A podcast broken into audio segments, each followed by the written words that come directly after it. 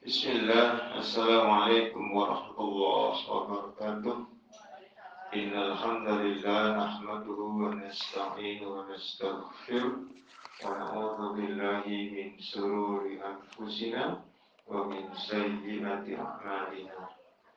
May yahdihillahu fala mudilla lahu wa may yudlil fala hadiya lahu. أشهد أن لا إله إلا الله وحده لا شريك له وأشهد أن محمدا عبده ورسوله الذي لا نبي بعده. اللهم صل وسلم وبارك على نبينا محمد صلى الله عليه وسلم وعلى آله وصحبه وتبعهم بإحسان إلى يوم الدين. قال الله تعالى في كتابه الكريم يا أيها الذين آمنوا اتقوا الله حق تقاته ولا تموتن إلا وأنتم مسلمون يا أيها الناس اتقوا ربكم الذي خلقكم من نفس واحدة وخلق منها زوجها وبث منهما رجالا كثيرا ونساء واتقوا الله الذي تساءلون به والأرحام إن الله كان عليكم رقيبا يا أيها الذين آمنوا اتقوا الله وقولوا قولا سديدا يصلح لكم أعمالكم ويغفر لكم ذنوبكم ومن يطع الله ورسوله فقد فاز فوزا عظيما أما بعد فإن أصدق الحديث كتاب الله وخير الهدي هدي محمد صلى الله عليه وسلم وشر الأمور محدثاتها وكل محدثة بدعة وكل بدعة ضلالة وكل ضلالة في النار أخواتي في الله رحمني Allah Alhamdulillah Allah masih memperjumpakan saya dan Anda Sebelum saya dan Anda liburan sekitar dua minggu Insya Allah jumpa lagi di atas tanggal 10 Tahun Pak Tahun setahun kita ya Setahun kita ya. Tanpa terasa sudah dua setengah bulan kita mengaji. Ini liburan yang biasanya ya. Alhamdulillah sehubungan dengan mulai merebaknya COVID yang tidak terkendali maka hendaknya saya dan Anda sekalian untuk menjaga diri dan menjaga kesehatan semoga Allah senantiasa memberikan kita kesehatan. Karena di BCI blok D 57, blok D 58, 59, D 56 itu sudah mulai ada yang kena gitu ya. Termasuk di blok E tempat saya kemudian di blok B juga demikian ya. Bahkan yang tidak terdeteksi oleh pemerintah pun juga masih banyak ya zonanya sudah mulai mendekati hitam ya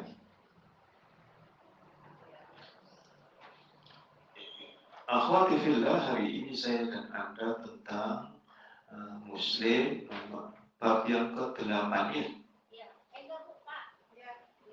Iya. Iya, batalnya menjual barang yang belum diterima ya. Hmm. Silakan nomor hadisnya, bacakan nomor hadis itu silakan uh, dari Sahih Muslimnya Ibnu Abbas ya. Iya dari Taurus, iya betul. Lalu Ibnu Abbas kan? Iya. Iya. Silakan.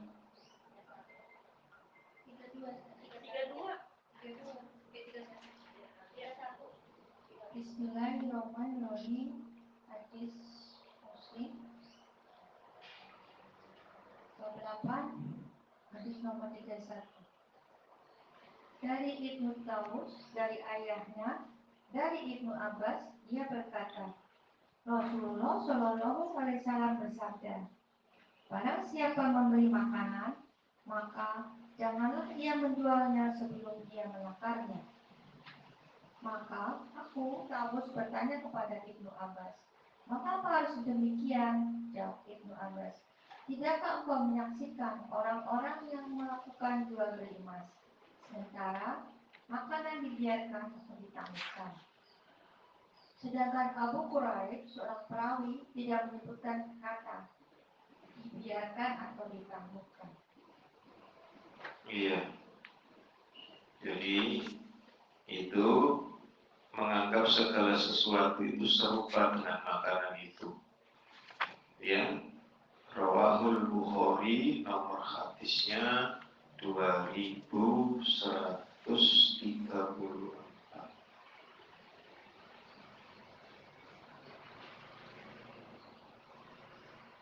Hmm.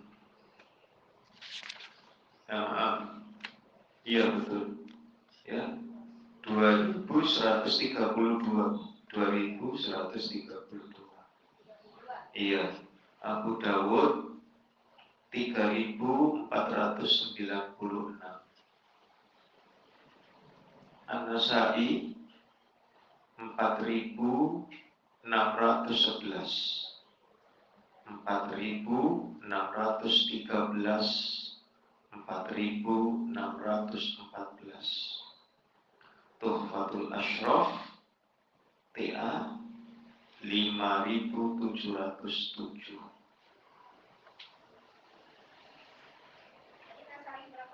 An-Nazai itu 4611 4613 4614 An-Nazai. Jadi saya dan Anda tidak diperkenankan ya menjual makanan yang belum lengkap. Ya, tidak boleh melihat orang yang jual beli emas dan makanan yang ditangguhkan. Jadi belum barangnya belum diterima, belum lengkap itu tidak boleh. Ya, khusus jual beli loh, Demikian pula Anda mengajarkan sesuatu kepada orang di mana orang itu menjualnya. Misalkan orang itu tanya resepnya soto tidak boleh. Lalu Anda juga punya usaha misalkan laundry. Karyawannya tidak boleh diberitahu belinya uh, parfumnya ini di mana, tidak boleh. Ya, jadi disuruh kerja saja. Semuanya dari kita bosnya itu demikian. Kalau tidak, maka orang ini bisa mendirikan lagi yang hal yang sama. Bahkan pelanggannya diambil. Itu haramnya di situ ya. Haramnya di situ. Jangan dibilang bahwa rezeki kan sudah Allah atur. Betul Allah atur. Tapi Allah juga memberikan aturan. Gitu ya memberikan aturan. Tidak diperkenankan. Ada pertanyaan? Tidak ada ya? Silakan hadis selanjutnya dari Ibnu Umar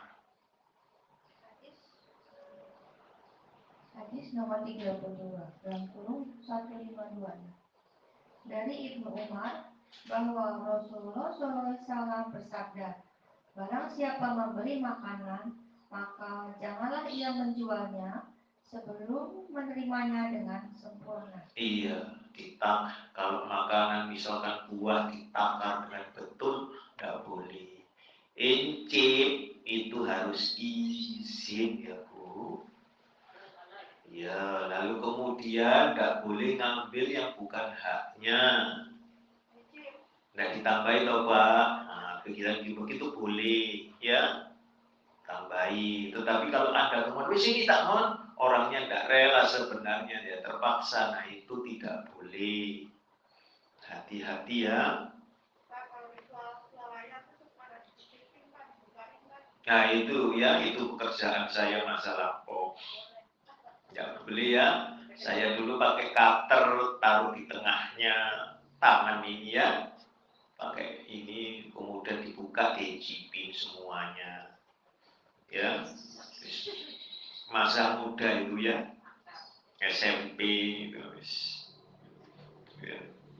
itu. Karena ya tadi ya terus hadis ini ada di dalam Al Bukhari nomor hadisnya 2126 Lalu 2136.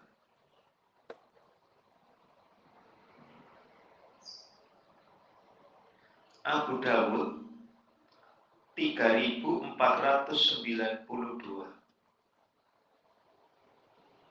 An-Nasai 4609 Ibnu Majah 2226 TA 8327 Nanti suatu saat kita belajar juga mengenai TA ya, waktu Fatul Ashraf. Itu sama dengan Ahmad. Kira-kira isinya 100 ribu lebih. Hadis ya. Tinggal saya dan Anda memilah dan memilih mana yang sahih, mana yang tidak. Terus hadis selanjutnya. Hadis nomor 33. Dari Ibnu Umar, dia berkata, dahulu pada zaman 4000 eh 3000 Abu Dawud 3493 An-Nasai ya 4600 eh An-Nasai itu 46000 719 Iya. Tuhfatul Ashraf 8371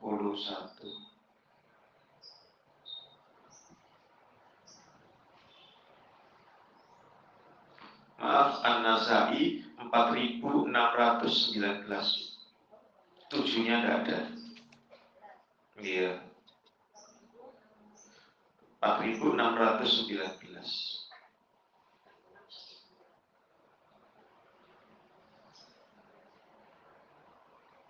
Tahu ya maksudnya ini ya? Jadi tidak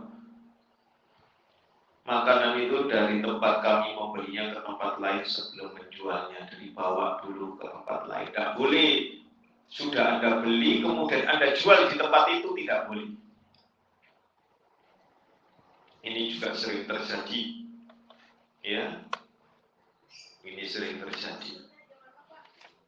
Contoh ya Bu, mohon maaf, ada orang datang ke tokonya ibu, ya, lalu di tempat toko ibu tidak ada, lalu ibu ngajak orang itu ke tokonya Uhtu Khairiyah, di Uhtu Khairiyah, karena sampai sudah plek, kemudian Anda minta kepada uktu khairiyah, lalu kemudian Anda hargai di depan orang itu, dijualnya di tokonya uktu khairiyah. Tidak boleh.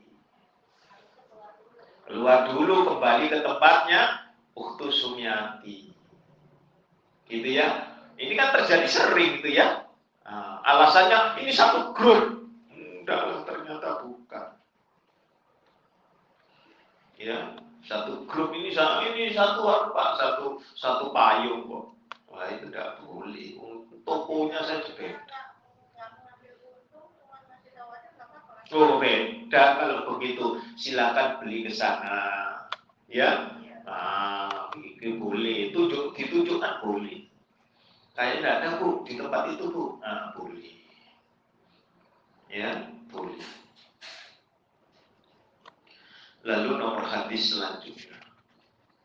Jadi banyak ya yang selama ini kita lakukan tanpa terasa. Silakan Fadl. Dari Ibnu Umar bahwa Rasulullah Shallallahu Alaihi Wasallam bersabda, Barang siapa yang membeli makanan, maka janganlah ia menjualnya sebelum menerima makanan tersebut dengan sempurna. Terus? Sudah.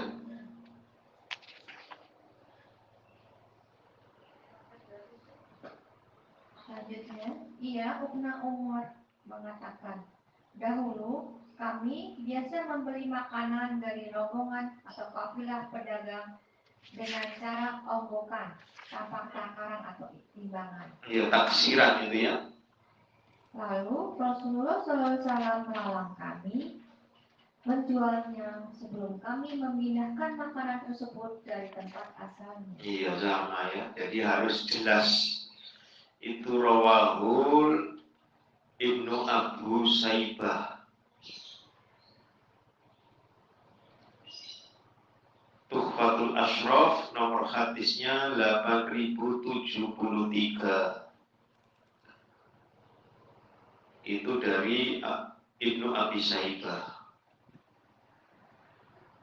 Dari Ibnu Numair itu di dalam Tuhfatul Ashraf nomor hadisnya 7958. Ibnu Majah nomor hadisnya 2229. Jadi ada dua jalur. 2229. Ya, jadi hati-hati sekali di dalam menakar kalau tidak mutofifin ya, curang. Orang yang curang.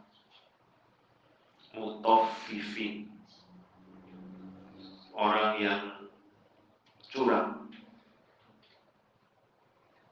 Itu terjadi ya Bu ya. Kalau saya dan Anda beli dari orang lain minta ditambahi tetapi kalau orang lain beli ke kita dipas, ya, oh, itu manusia curang. Nanti anda boleh membuka mutafifi. Lalu hadis selanjutnya silakan. Dari Abdullah bin Umar bahwa Rasulullah Shallallahu Alaihi Wasallam bersabda, Barang siapa yang membeli makanan, maka janganlah ia menjualnya sebelum menerimanya secara lengkap atau sempurna. Iya, itu di dalam Tuhfatul Ashraf saja 8240. Ini hanya muslim saja yang mentahkiji. Saya masih belum lihat Ahmad dan yang lainnya masih belum. Ya tetapi Bukhari sudah saya lihat tidak ada. Nasai, Abu Dawud, Ibnu Majah juga sudah tidak ada. Jadi hanya Muslim. Tapi Ahmad belum saya lihat. Terus kemudian Ad-Darimi, Ibnu Huzaimah, ya itu belum saya lihat. Hanya kutub sita saja yang saya lihat ya. Hanya kutub sita. Karena waktunya yang tidak nutut. Harusnya bisa melihat sampai 19 kitab gitu ya. Lalu hadis selanjutnya, silakan.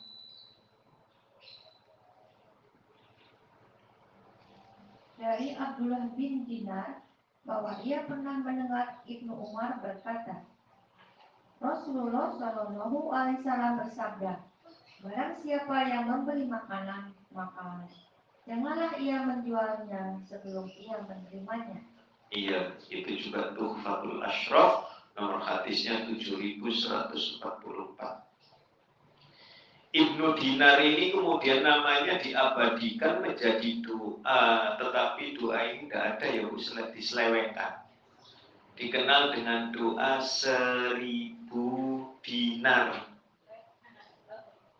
Ya itu ada di dalam mujarobat ya. Tidak ada jadi kalau siapa yang baca doa seribu dinar itu akan diberi kekayaan, pesugihan katanya orang Jawa. Orang Sunda bilangnya pakayaan.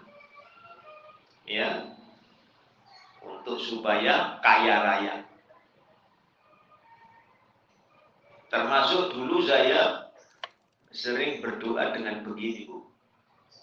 Allahumma rizukna biris qawasian midroro halalan tayyiba mubarakan. Ya. Bila ta'abi wala nasab.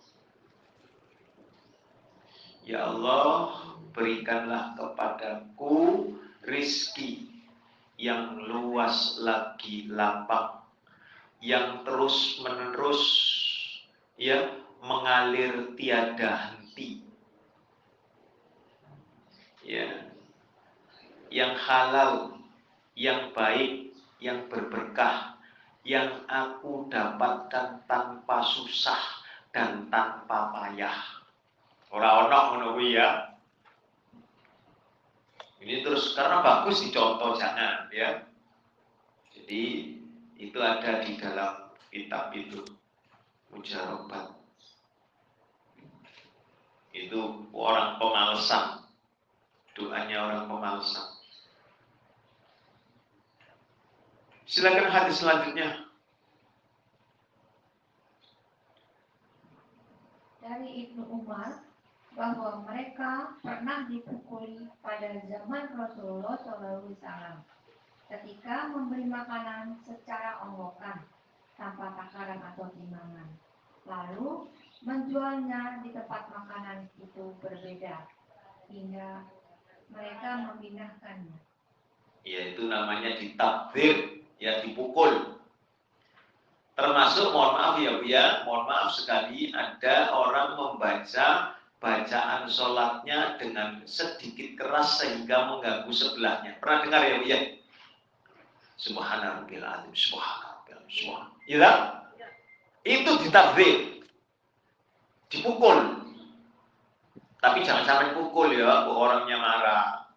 Di zaman Nabi itu dipukul, itu dihukum pukul. Ya, di sini ini masih ada bu ya, di sini masih ada. Kalau lagi malam itu sholat itu masih ada yang begitu. Padahal sudah diberitahu dipukul, tetapi ya tetap saja. Ya, Rabbana katsira. Waduh, dikeraskan begitu sampai ganggu sebelahnya. Ya, tidak diperkenankan. Dipukul. Hadis ini sama dengan Al-Bukhari, nomor hadisnya 6852. Abu Dawud Adi 3498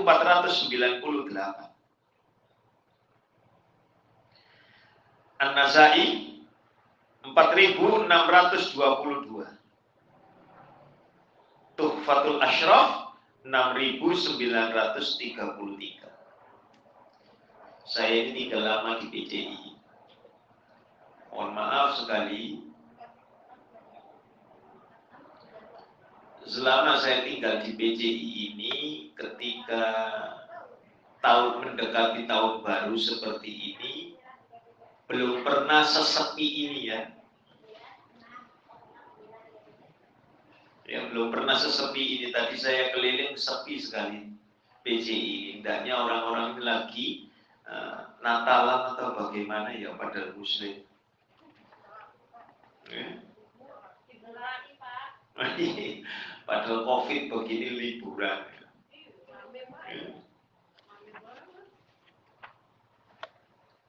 Indonesia tidak tidak takut ya orangnya tidak kalau mati ya mati begitu alasannya ya. Hmm. Hadis selanjutnya silahkan. Dari Ibnu Syihab telah mengabarkan kepadaku Salim bin Abdullah bahwa ayahnya berkata, Sungguh aku pernah melihat orang-orang dipukuli pada zaman Rasulullah Shallallahu Alaihi Wasallam karena mereka membeli makanan secara omongan tanpa takaran atau timbangan, lalu menjualnya di tempat makanan itu didapat, sampai mereka memindahkannya ke tempat ke tempat-tempat mereka. Lalu Ibnu Syihab telah menceritakan kepadaku Ubaidillah bin Abdullah bin Umar bahwa ayahnya pernah membeli makanan secara omongan. Lalu ia membawa makanan itu ke keluarganya rumah. Iya. Al-Bukhari nomor hadisnya 2137. Tuhfatul Ashraf 6993. Jadi tidak boleh ya menjual di tempat itu ya Bu ya harus pergi dulu ya. Ini sering terjadi. Cuman kalau saya pergi, misalkan begitu saya pergi, saya saya ajak orangnya yang mau beli dari saya, saya ajak pergi. Nanti dikirain ngerasain yang yang menjual tadi ya, tidak bukan begitu, kepada ini larangan. Wis transaksi di depan toko saya tidak apa-apa, tidak boleh. Haram ya bu ya. Hukumnya takdir. Hukumnya takdir. Hadis selanjutnya, silahkan. Dari Abi Hurairah, sesungguhnya Rasulullah SAW bersabda, Barang siapa yang membeli makanan, maka janganlah menjualnya sehingga ia menimbang atau menakarnya. Dalam riwayat Abu Bakar, menggunakan lafaz ibti, ibta, bukan dengan kata ishtaro, yang keduanya bermakna sama, yaitu membeli. Iya, itu Tuhfatul Ashraf 13.495. Tahu ya, tebasan itu ya. Jadi misalnya di ongkok saya ambil semuanya, tak hargai sekian, tanpa ditimbang, tidak boleh. Ya, Nah, misalkan Anda ada mobil, bawa jeruk sama apa gitu ya, kemudian saya mau beli jeruknya, Wis, semuanya saya beli. Tak borong 200 ribu. Tidak boleh ditimbang dulu. Ya, wajib timbang. Gitu ya, wajib ditimbang dulu. Atau bijian, hitungannya per biji bisa. Jadi dihitung dulu. Ya. Iya. Maksud dionggok-onggok bagaimana? Oh sudah ditimbangin begitu ya? Ah iya sudah ditimbangin nggak apa-apa. Misalkan oh, kelengkeng itu sudah dikat ya dikantongin begitu kan? Sekian boleh. Tetapi yang nggak boleh itu berapa pak? Di mana anda tidak tahu? Ya, nah itu. Ya, tidak boleh. Ya, termasuk misalnya kelengkeng itu ya.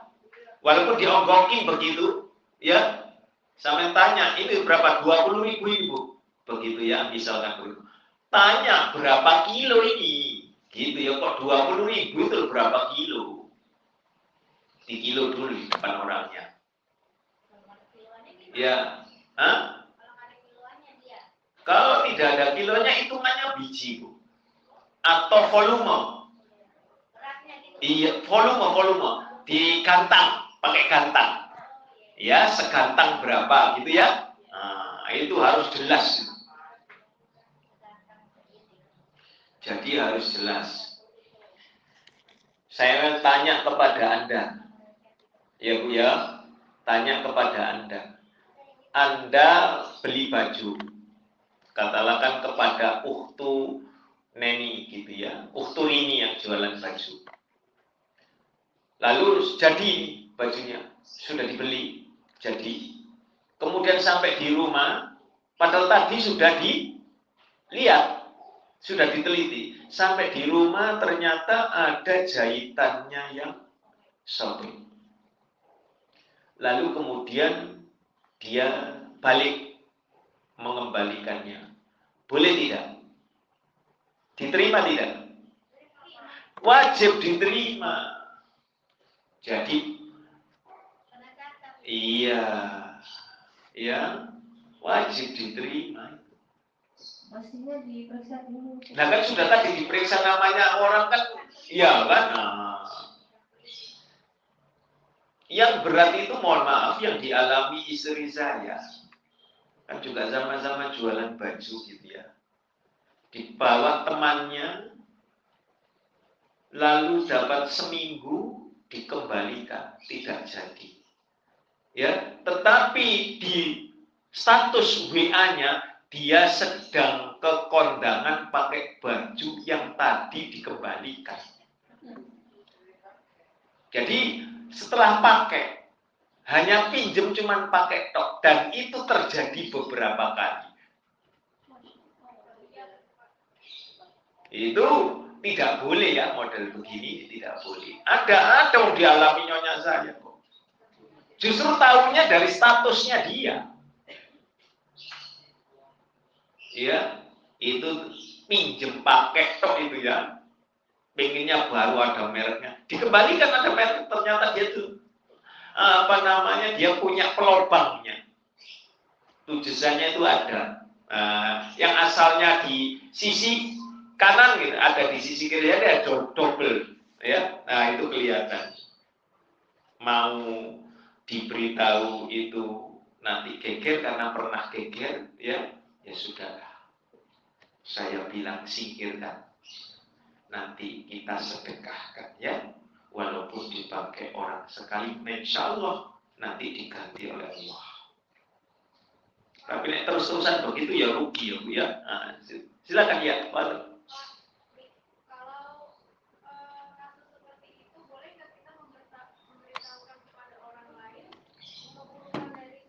Boleh. Boleh. Boleh Bu ya. Akan tetapi hati-hati.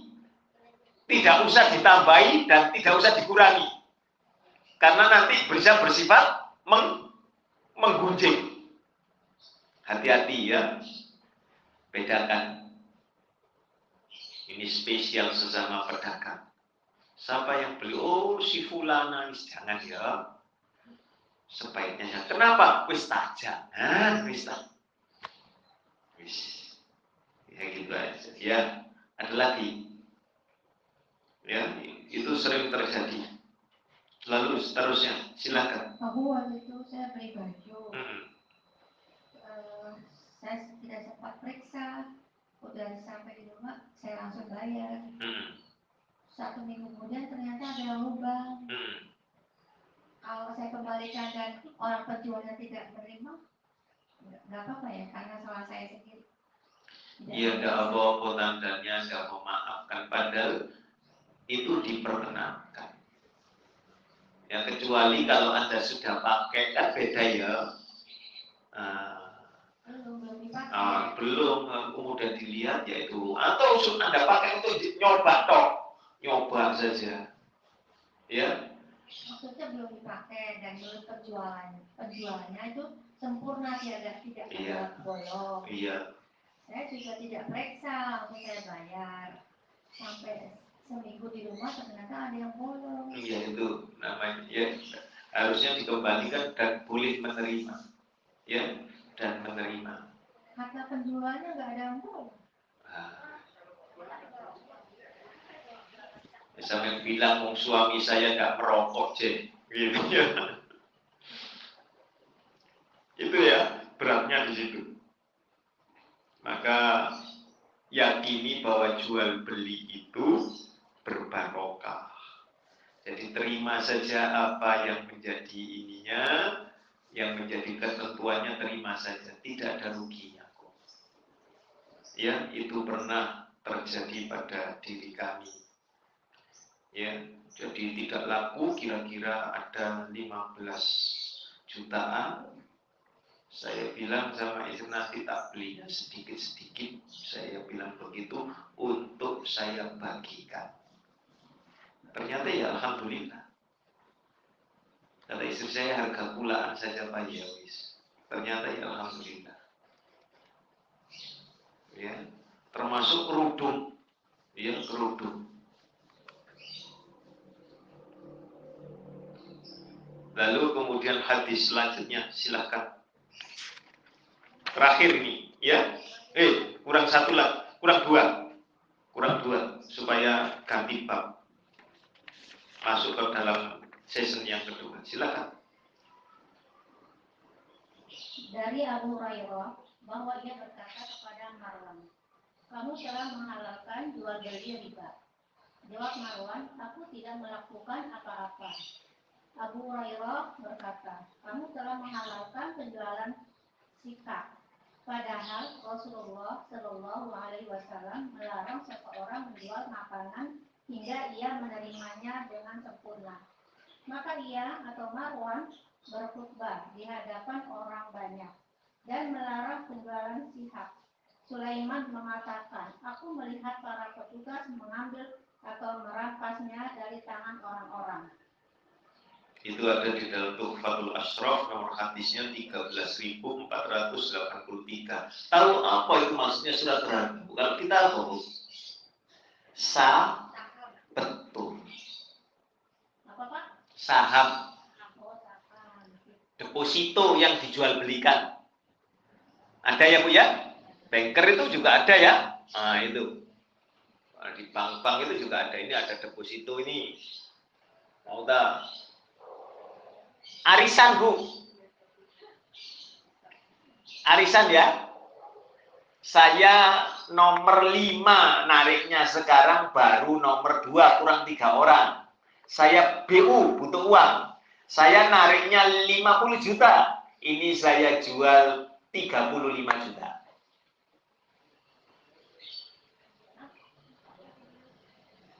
Ya? Iya. Tidak boleh ya Bu ya. Karena saya kan BU belum waktunya narik kan Bu. Iya, iya. Ya, nah itu tidak boleh. Ada ya Bu ya? Ada.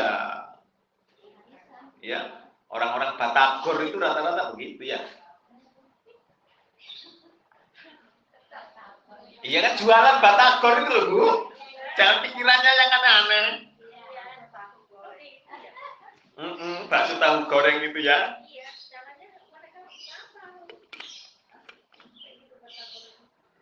Ya, itu tidak boleh.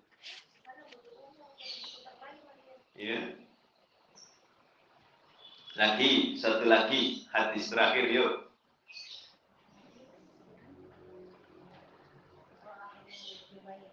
Dari Jabir ya. Iya, Abu Az-Zubair. Iya. Dari Abu Zubair bahwa ia pernah mendengar Jabir bin Abdullah berkata, Rasulullah Shallallahu Alaihi Wasallam pernah bersabda, apabila engkau membeli makanan, maka janganlah menjualnya sebelum engkau menerimanya dengan lengkap atau timbangannya dan takarannya. Iya, itu Tuhfatul Asraf nomor hadisnya 2848.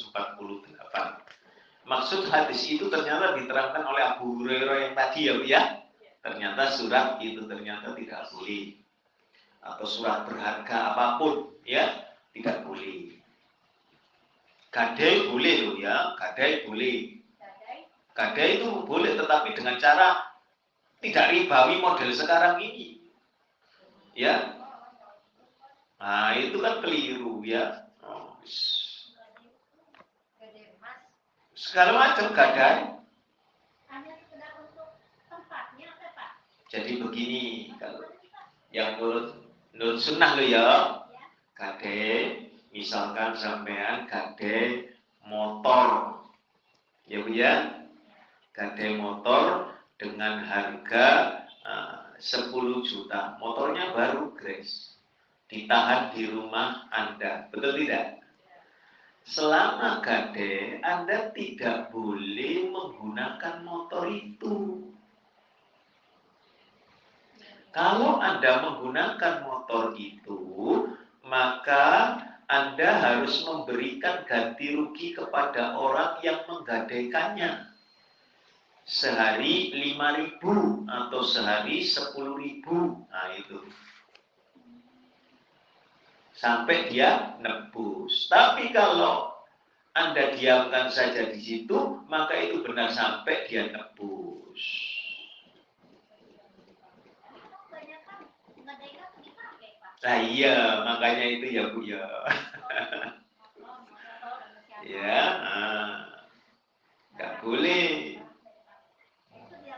Iya. Termasuk mohon maaf ya, kos-kosan. Iya. Ya, ini saya gadekan. Selama saya hutang, kamu ngambil uangnya dua pintu ini. Ini milikmu. Ya, sampai saya bisa bayar. Riba itu sudah. Paham ya? Sampai punya kos-kosan ada 10 pintu. Sampai butuh uang. Datang ke Bu Neni. Bu Neni saya butuh uang. 25 jeti. ya saya gadaikan dua kos-kosan saya ini, dua pintu kos-kosan saya ini kepada Bu Neni. Uangnya kos-kosan sebelum saya bisa bayar, ya kan? Uang kos-kosan ini miliknya Bu Neni, yang dua pintu ini. Paham ya? Ketika saya sudah punya uang, saya bayar, baru milik saya lagi uang. Jadi Bu Neni dapatnya di samping uangnya yang diutangi, digadaikan tadi, ya kan? dia juga dapat manfaat dari uang kos-kosan yang selama belum pengembalian. Betul tidak? Iya. Riba. Oh, jadi harus kosong itu Pak ya? Enggak, kalau dibilang begitu dianggap utang ini sebagai kos-kosan tetap kamu pegang.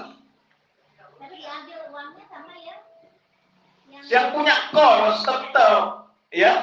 Nah, ini tapi saya yang menentukan, gade itu yang menentukan. Oh jangan si orang ini saya tidak mau suka orang ini jorok keluar ganti orang boleh paham ya? ya, tapi jangan diambil uangnya. Ah, ah, jangan diambil uangnya. Ah, itu banyak ya? Ah, banyak itu, gitu ya. Sampai di sini dulu kita menuju tazkiyatun nufus dan ini perkara ikhlas la ilaha illallah ini berat sekali ya Bu ya harus banyak ngelus dodo ini.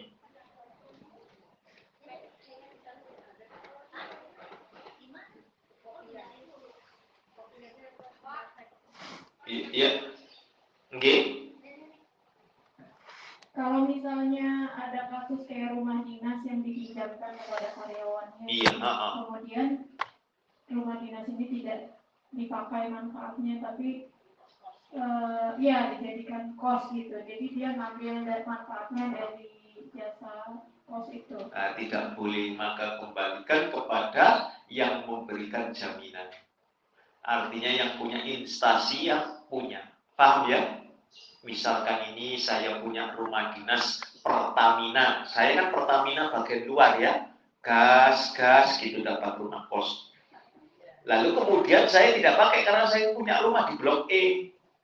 Lalu kemudian saya kontrakkan atau saya koskan kepada orang lain. Ya kan? Saya kan dapat manfaat kan? Itu tidak boleh menerima sepeser pun saya. Ya, jadi itu harus saya kembalikan uangnya kepada perusahaan. Ya, nah, termasuk mohon maaf ini pensiunan, iya kan? Nah, kemudian dapatkan rumah dinas itu ya, tapi tetap saja di nggak mau pindah, ya kan? Nggak mau pindah, bahkan sampai pengadilan kan gitu ya. Nah itu beratnya nggak boleh yang demikian itu. Itu ada di dalam kitab saya Islam dan Penguasa. Ada yang belum dapat Islam dan Penguasa? Silakan ambil itu ya. Ya. Sama yang kemarin belum dapat apa itu whitening dan smoothing ya. Silakan ambil whitening dan smoothing itu. Tapi jangan diminum ya, nanti putih beneran badan Anda. Itu. Lo sama coba smoothingnya, nanti kan halus sekali. Oh itu bayi krimnya. Iya, lembut kan ya. Coba sama minum sehari satu sendok gitu ya.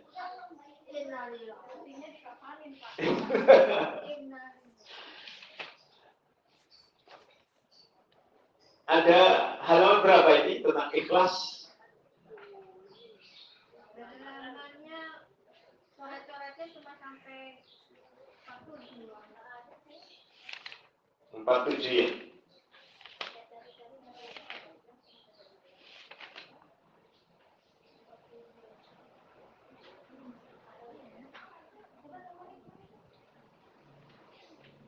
Iya. Iya, betul. Catatan saya juga sama. Niat seseorang lebih berperan daripada amalnya.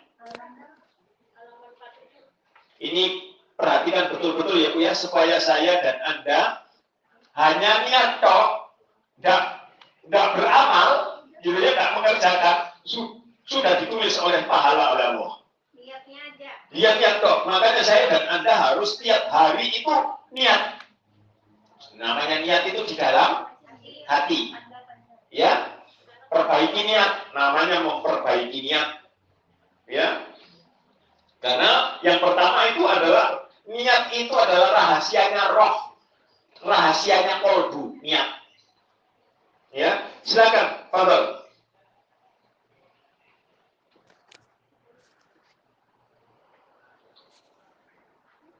Niat seseorang lebih berperan daripada amalnya.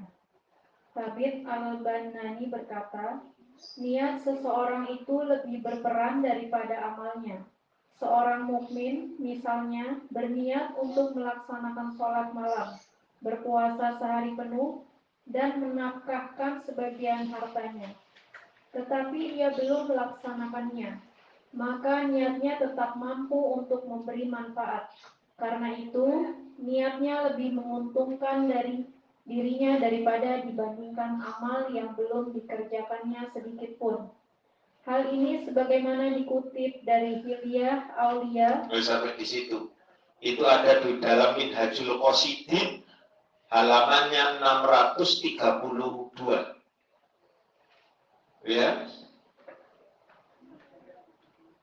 Minhajul Qasidin 632. Maksudnya begini, Bu. Sekarang hari apa? Ya?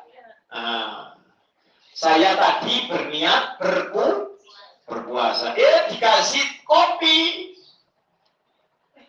Nah, iya kan? Misalkan ini saya minum untuk menghormati apa saya, saya minum sudah. Kalau begitu saya berpuasa enggak? Berpuasa enggak? Enggak puasa sudah batal kan? Ya kan sudah batal. Ya kan?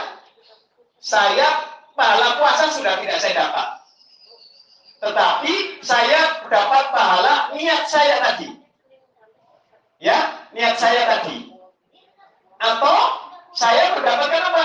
Juga mendapatkan apa? Mendapatkan menyenangkan hati orang yang memberi saya minum. Paham ya? Apa? Kemis kan puasa ya. Ya, ini sebagai contoh Bu ya. Tidak apa-apa. Tidak masalah. Mis lagi. Hari ini hari Kamis ya. Anda niat puasa. Berniat puasa ini. Berniat kok. Terus tiba-tiba head. Kalau saya kan nggak head. Ya kan? Kan head itu tidak berpuasa kan? Nah, Anda sudah dapat pahala dari niat puasa Anda. Jam 7 head, waduh, nggak puasa. Itu sudah dapat pahala soalnya gitu. Bahkan, mohon maaf ini, Anda berniat berpuasa hari ini, lalu kemudian Anda kok, kok apa itu haus ya, minum, wes nggak kuat. Itu tadi sudah berniat itu sudah dapat pahala. Nanti malam saya bangun untuk sholat malam, ya kan? Ngelakar terus, ya kan?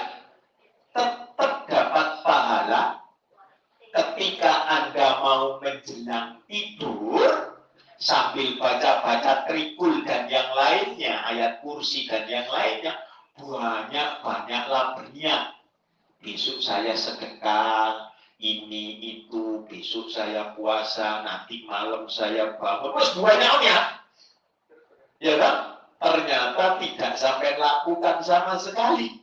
Tetap banyaknya niat itu membawa manfaat buat Anda dan saya. Paham ya? Ya enggak, Bu.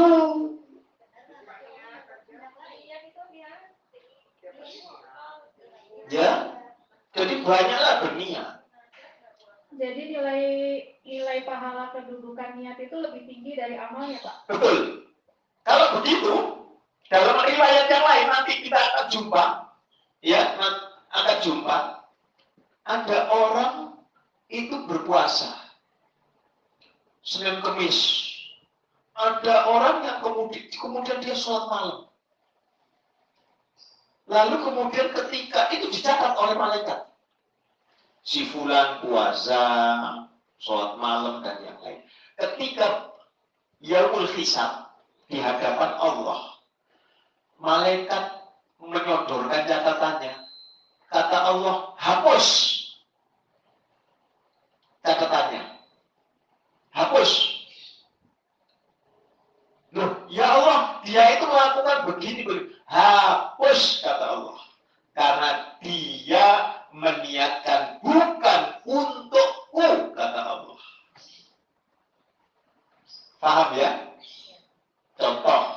Alhamdulillah saya tidak pernah, sudah 12 tahun ini, Senin Kemis tidak pernah lepas. Ya? Ah. Ada lagi orang yang tidak datang kepada Allah itu catatannya kosong. Catatannya itu kosong. Malaikat bilang, ya Allah ini orang ini si fulan ini kosong. Lalu kemudian kata Allah? Catat dalam itu niatnya sholat malam. Ya Allah belum dikerjakan sama sekali. Itu sudah dapat bagian. Enak dong? Ah. Iya, makanya saya bilang, ya, berdasarkan dalil yang di sini, ya, maka Anda banyakin niat. Besok kalau saya sehat, tidak ada keperluan apa-apa, saya ajak sana ke ibunda saya di Pandeglang, ke ibunda saya di Bandung, misalkan begitu ya. Nah, eh sibuk, niat saja sudah dapat. Apa? Iya, wis ngono wae, ya. Hmm. Ya. Niat saja Anda, kemudian ada tamu untuk mengaji ada tamu, maka tetap Anda dapat pahala. Wis niat toh. Aku kalau kita niatkan puasa tapi mau niatnya supaya langsing itu bukan untuk Allah. Iya, betul. Untuk langsing, untuk irit, ya. Iya lah, lagi corona ini kan susah cari makannya pandemi begini ya, tak? Nah, di situ, ya. Jadi jadi niatkan untuk Allah, bonusnya langsing gitu ya. Iya, perkara bonus langsing itu karepe.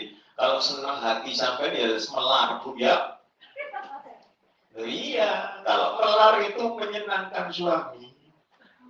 Jadi mohon maaf ibu-ibu yang kurus-kurus ini tandanya sampai sering makan hati gitu ya.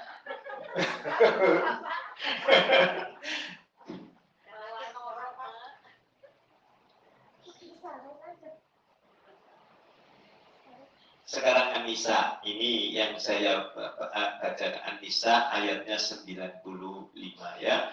Orang yang model saya begini berbeda dengan orang yang jihad visabilillah ya. Silakan Fatun, silakan.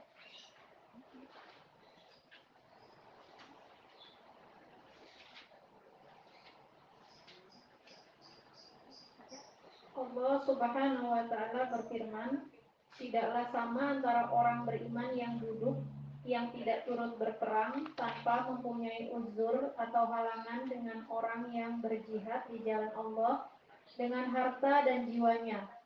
Allah melebihkan derajat orang-orang yang berjihad dengan harta dan jiwanya atas orang-orang yang duduk atau tidak ikut berperang tanpa halangan. Teruskan.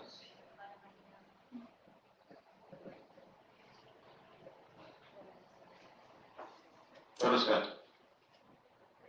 Ayat ini turun.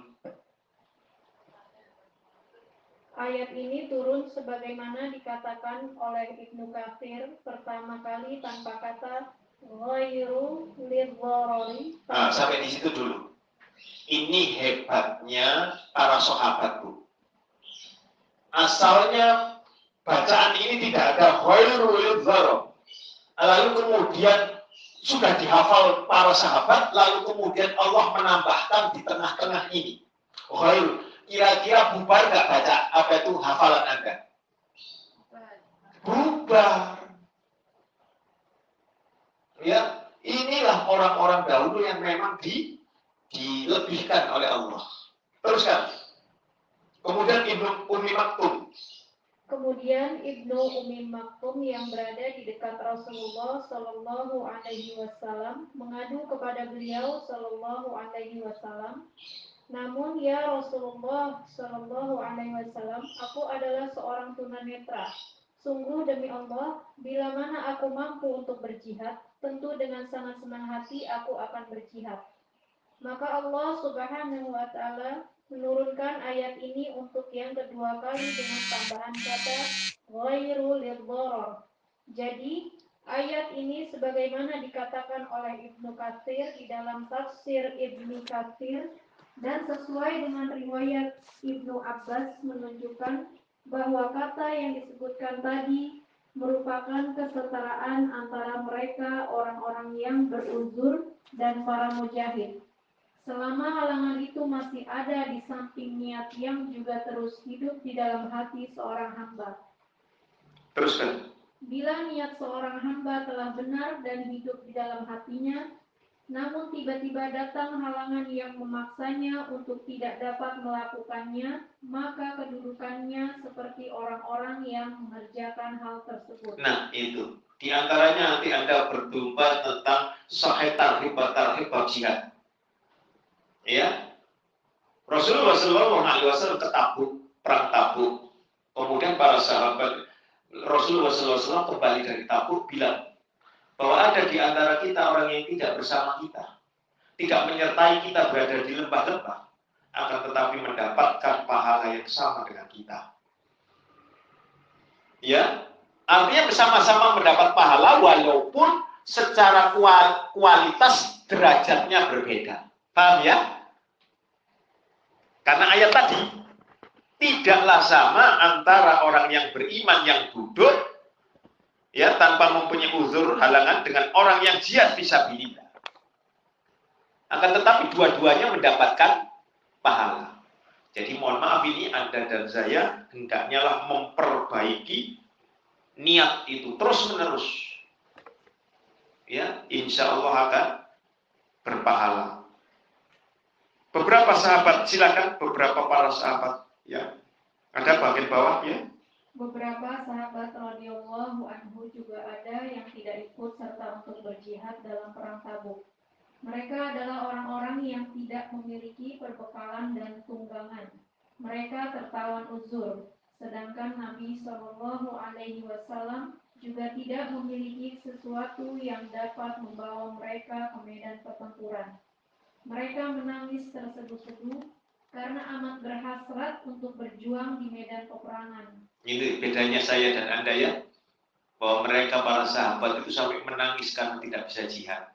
Karena kalau sudah jihad perang itu mesti pikirannya waduh sorga di depan saya kalau sudah mati. Begitu. Ya, teruskan. Allah Subhanahu wa taala pun mengetahui niat dan isi hati mereka. Karena itu, Allah mengikut sertakan mereka ke dalam pahala para mujahid lain ketika itu. Allah Subhanahu wa taala berfirman, dan tidak ada pula dosa atas orang-orang yang datang kepadamu Muhammad Shallallahu alaihi wasallam agar engkau memberi kendaraan kepada mereka. Lalu engkau berkata, aku tidak memperoleh kendaraan untuk membawamu. Lalu mereka kembali sedang mata mereka bercucuran air mata karena sedih, disebabkan mereka tidak memperoleh apa yang akan mereka infakkan untuk ikut berperang. Al-Baqarah 92. Iya, teruskan. Anas bin Malik meriwayatkan bahwa Nabi Shallallahu Alaihi Wasallam bersabda, di dalam kota Madinah ada suatu kaum yang sama sekali tidak menempuh perjalanan atau melewati satu lembah pun bersama kalian. Akan tetapi sebenarnya mereka bersama kalian. Para sahabat radhiyallahu anhu bertanya, akan tetapi wahai Rasulullah Shallallahu alaihi wasallam, apakah mereka menetap di Madinah? Nabi Shallallahu alaihi wasallam menjawab, mereka memang menetap di Madinah, karena tertahan oleh uzur yang mengepung mereka. Iya, ini ada di dalam Lu'lu wal Marjan. Al-Bukhari nomor hadisnya 2839. Muslim 1911. Kalau Al-Bukhari dari Anas bin Malik, dari Muslim dari Jabir bin Abdullah radhiyallahu anhu. Ya.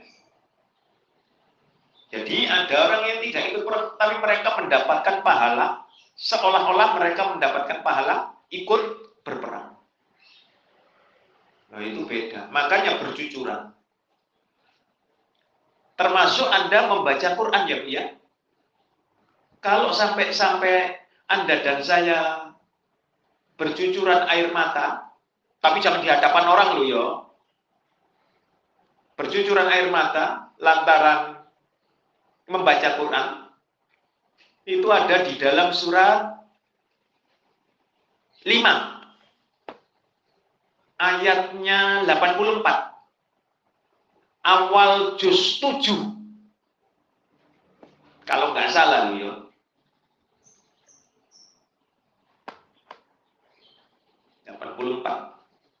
awal juz 7 Oh 83 ya 83 ya ayat 83 silakan baca dan apabila mereka mendengarkan apa Al-Quran yang diturunkan kepada Rasul Shallallahu Alaihi Wasallam, kamu lihat mata mereka mencucurkan air mata disebabkan kebenaran yang telah mereka ketahui dari kitab-kitab mereka sendiri. Seraya berkata, Ya Tuhan, kami telah beriman, maka catatlah kami bersama orang-orang yang menjadi saksi atas kebenaran Al-Quran dan kenabian Muhammad Sallallahu Alaihi Wasallam. Nah itu. Artinya kemudian terbit pernyataan sabda Rasul utlul Quran waku fa'illam tabkau fatabakau bacalah Al-Quran itu dengan menangis. Jika engkau tidak dapat menangis, maka berusahalah untuk dapat menangis. Kalau Anda membuka Tazkiyatun Nufus Ustadz Yazid bin Abdul Qadir Jawas hafizahullah wa ta'ala pada bab ke-6 bab yang ke-6 obatnya penyakit hati itu di antaranya adalah membaca Al-Quran setiap hari. Karena seseorang itu pada akhir hayatnya di mana dia membacanya terakhir kalinya. Tergantung dari bacaan terakhir kalinya. Maka saya dan Anda berusaha untuk membacanya. Ini ada yang kirim kepada saya taksir, tapi belum saya lihat sama sekali karena kesibukan saya mau menjelang pulang ini. Insya Allah nanti baru saya koreksi. Ya, jadi numpuk di tempat saya.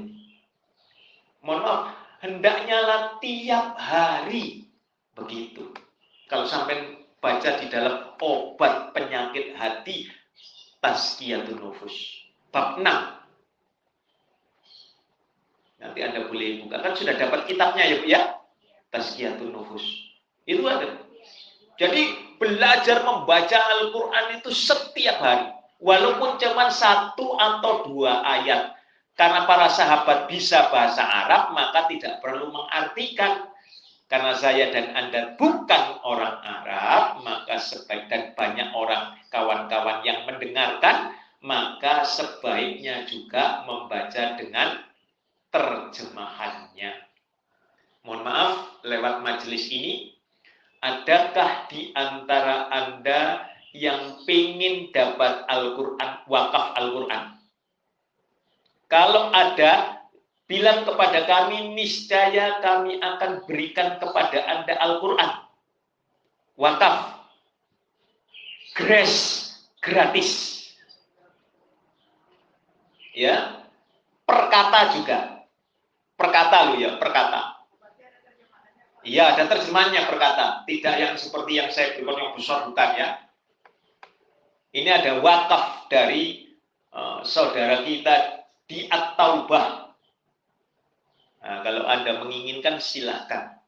Yang ada temanya Waduh, itu saya tidak lihat sampai mail ya. Ya. Oh. Pak, Iya. ada yang mau, Pak. Hah? Ada yang mau. Ya, saya akan bawakan, minta, ya, saya mintakan. Iya, iya, Mm-mm. Pak, iya. kalau ketika memurojaah hafalan ataupun memurojaah hafalannya anak itu bagian dari mengobati penyakit hati? Betul, betul, betul bu. Ya, betul. Terutama mohon maaf, mohon maaf ya bu ya, mohon maaf sekali. Anak ajarkan membacanya, menghafalnya itu di bawahnya tartil. Namanya apa? At-tahqiq. Pelan-pelan ya. Maka hafalannya itu akan cepat menempel dan tidak bisa hilang. Jadi kalau saya ada kawan-kawan yang eh, tahsin itu pakai itu at-tahqiq maka saya bisa menghafalnya dengan tenang. Tapi kalau sudah tartil, kadang-kadang saya masih lupa. Saya ulang beberapa kali dengan at-tahqiq. Itu saja bisa cepat hafal daripada yang pakai apa namanya tartil apalagi at-tanwir apalagi al-hadr Wah, hadr lebih cepat lagi maka saya orang yang menggunakan al-hadr maka ketika dia disuruh untuk men- menuju uh, yang pelan maka dia hafalannya mesti hilang. Contoh Sabbihisma rabbikal a'la alladzi khalaqa fasawwa walladzi qaddara fahada walladzi akhrajal mar'a. Ketika dia suruh suruh mengulang dengan apa itu at-tahqiq maka cepat hilang. Ya, sabbihisma rabbikal a'la alladzi khalaqa fasawwa. Berhenti dulu lagi. No, nyautnya cep- lama. Karena dia kulinonya cepat. Begitu disuruh, maka hafalannya cepat hilang.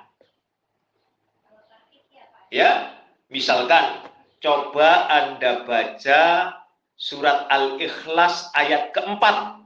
Dihitung. Qul huwallahu ahad, Allahu somad, lam yalid walam yulad. Oh, walam yakul. Begitu. Tetapi kalau hafalan Anda at-tahqiq, insya Allah hafal. Ya, insya Allah hafal. Gitu ya. Nah, ini tentang Quran. Ada lagi pertanyaan? Ya. Ada anak cacat lahir 1,6 kilo dan dia dikenai sindrom. Menurut dokter dikenai sindrom.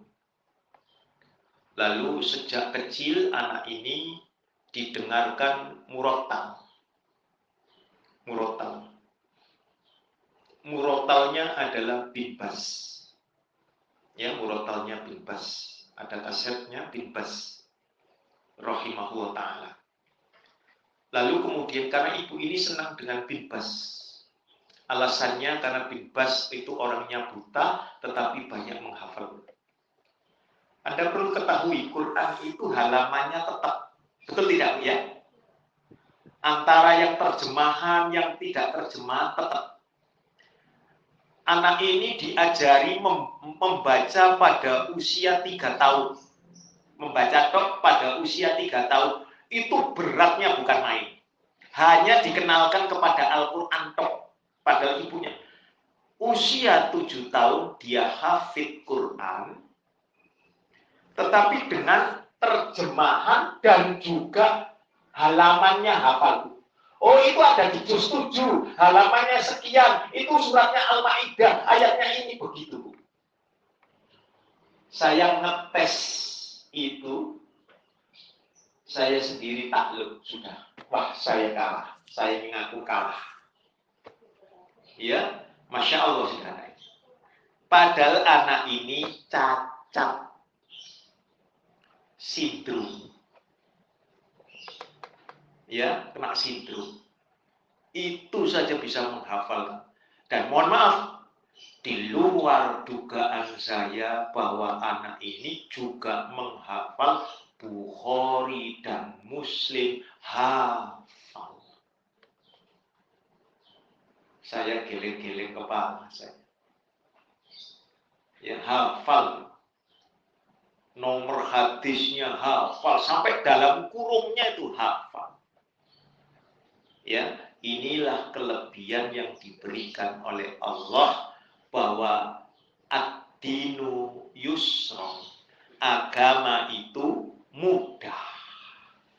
Gitu ya. Silakan teruskan.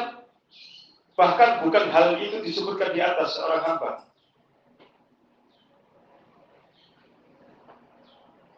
Bahkan bukan hanya hal yang disebutkan di atas, seorang hamba dapat saja diperkenankan Allah dengan cara diberikan kedudukan yang sejajar dengan para syuhada bila ia benar-benar memintanya dari dasar hatinya.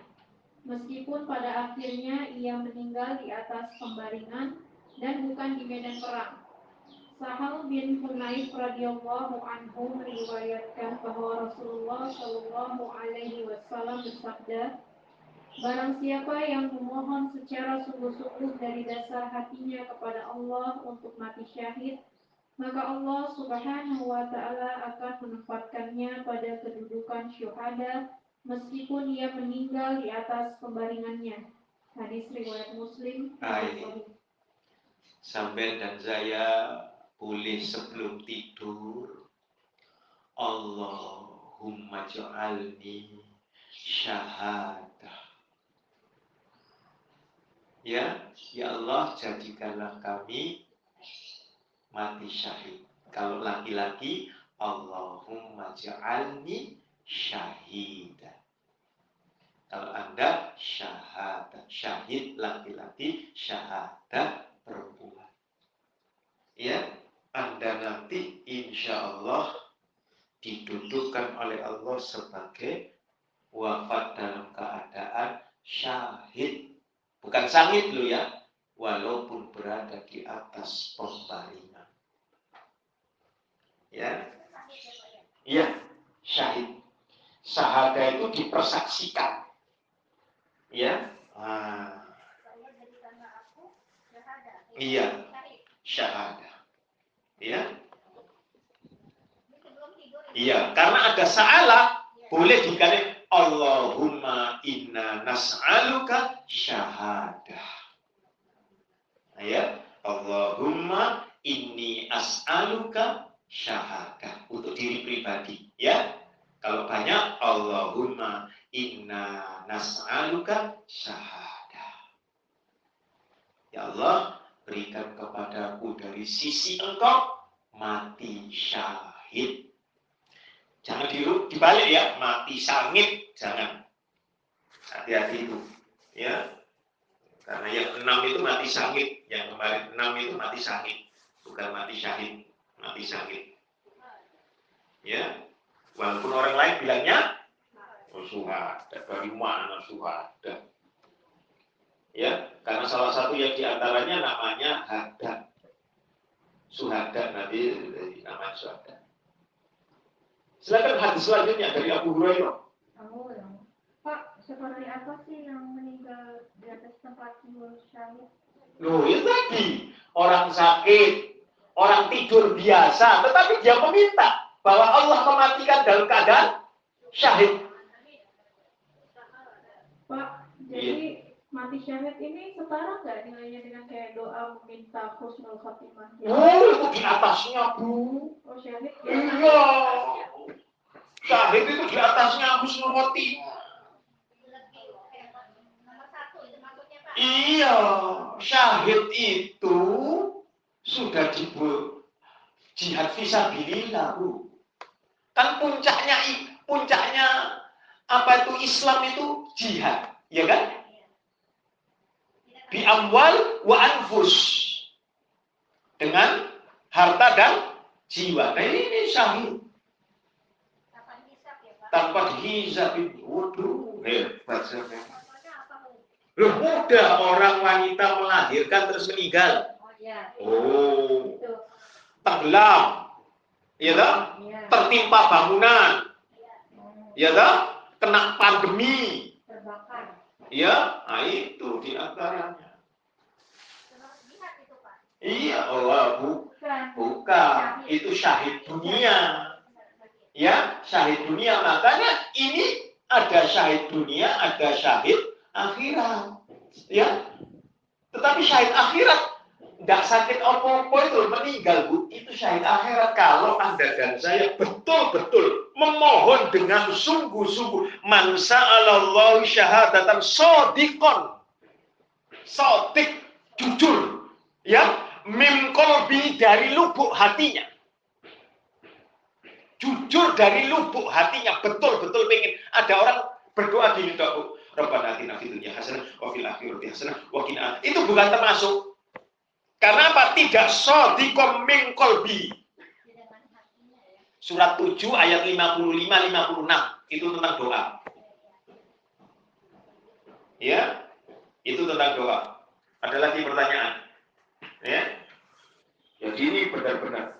Jadi kita mohon do- berdoanya boleh dua-duanya musuh khotimah dan Iya boleh, tetapi Anda berada di pembaringan, ya. ketika Anda mau tidur, baca ini Allahumma inni as'aluka syahada. Kalau nek sampai bingung-bingung, yang gampang-gampang saja, Allahumma inni as'aluka syahid. Wis gitu saja ya, syahid. Supaya Anda apa itu? Anda mengartikannya itu mudah. Boleh, ya. Boleh. Syahid. Ya.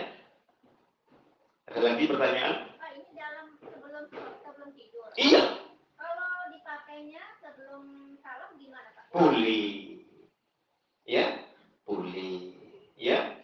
Tapi ini dimintanya waktu. Tetapi ingat ya, sodikon minkol bihi. Ya, bersungguh-sungguh dari dasar lubuk hat- hatinya. takut aku. Hah? Itu namanya sampai wahan. Wahan itu virus. Lebih jahat dari virus. Apa? Cinta dunia takut mati. Wong sampai kalau saya dan Anda mesti mati, Jeng. Ya ngantri artinya saya dan Anda ini pergi sampai datang ke tempat saya ini dalam rangka menjemput mendekat kepada kematian. Termasuk saya dan Anda. Gitu ya, walaupun tolakul ilmi. Makanya kemudian Anda dan saya ng- ngaji segala macam ini agar wafatnya dalam keadaan husnul khotimah. Siapa saja yang mendatangi atau menuntut ilmu pulang dan balik, maka Allah mempermudah baginya jalan menuju surga. Rawahul Muslim. Ya, nah, itu ada di dalam adab mencari ilmu. Tapi harus izin suami ya. Apa nih? Gaya. Ya, pokok bojone ora ribut bae. Iya. Bujurnya nggak pernah bilang tapi menengahin. Iya. Nanti kalau bojonya menang baik sampai sampai rumah jenggotnya atau dagunya dipegang. Yang yang mau minta apa begitu terus nah dilus-lus dia. Eh ngono wae. Abu Hurairah silakan. Abu Hurairah radhiyallahu anhu meriwayatkan bahwa Rasulullah Shallallahu alaihi wasallam bersabda, Allah mewahyukan jika hambaku mengatakan bahwa ia akan melakukan suatu kebaikan, maka akan aku catat baginya satu pahala kebajikan. Meski ia belum melakukannya, akan tetapi jika ia telah melakukannya, aku akan menuliskan sepuluh kali lipat pahala kebajikan untuknya. Jika hambaku mengatakan bahwa ia akan melakukan keburukan, maka aku masih mengampuninya selama ia belum melakukannya. Akan tetapi, jika ia melakukannya, maka akan aku catat sebagaimana hal yang telah ia kerjakan. Berdasarkan hadis ini, mohon maaf sekali, Anda mungkin ada yang tidak suka dengan perangai dari pasangan hidup Anda, maka Anda hanya mengucapkannya di dalam kolbu Anda. membenci perangai yang tidak disukai itu dalam kolbu Anda itu bahagian dari sunnah. Paham ya Bu ya? Contoh, Anda tidak suka kepada penguasa Cilegon, misalkan begitu. Maka Anda simpan di dalam kolbu Anda, Anda membencinya dalam kolbu Anda, tidak perlu mengeluarkannya. Demikian pula kepada suami, kepada istri, maka simpan itu. Ya, nah itu, itu di antaranya itu akan bergugur. Kalau Anda sudah mengeluarkan via lisan dan bukan pada tempatnya, artinya Anda mengumumkannya, ya, maka Anda dan saya sudah berdosa. Paham ya? seseorang menasehati orang lain, mohon maaf ini sekali lagi seperti saya begini ngaji misalnya begitu ya, saya menasehati eh, salah satu di antara anda, uh, fulana, gitu ya, lalu kemudian hadapan anda, pada intinya saya bukan menasehati dia, tetapi saya sedang menaburi pasir di atas kepalanya. Tahu ya Bu ya? Apa maksudnya menaburi pasir di atas kepalanya? Sedang mempermalukan dia. Maka saya pun berdosa. Paham ya? Jadi nek sampai itu nasihati seseorang, jangan di di, di dalam forum. Paham ya? perlahan kami termasuk kepada suami. Sudah jelas-jelas suaminya fasik begitu, tetapi jangan sekali-kali Anda menasehati di hadapan banyak orang. Anda kami ke kamar, ya tadi tuh aku gak suka lu perangaimu ya. Ya, sikapmu aku gak suka ya. Benar. Kenapa? Demikian, demikian. Begitu nasihati. Maka tidak tersinggung, betul tidak? Tapi kalau Anda dan saya kemudian menasihati di hadapan banyak orang, maka itu sama dengan menaburi pasir. Gitu ya, mempermalukan. Hadis terakhir, silakan. Malaikat berkata Bukhari Muslim. Rasul kemudian berkata Rasulullah Shallallahu Alaihi Wasallam kemudian berkata lagi, Malaikat berkata kepada Allah Subhanahu wa taala, "Wahai Tuhan, seorang berniat untuk melakukan keburukan sedang Allah Subhanahu wa taala memperhatikannya."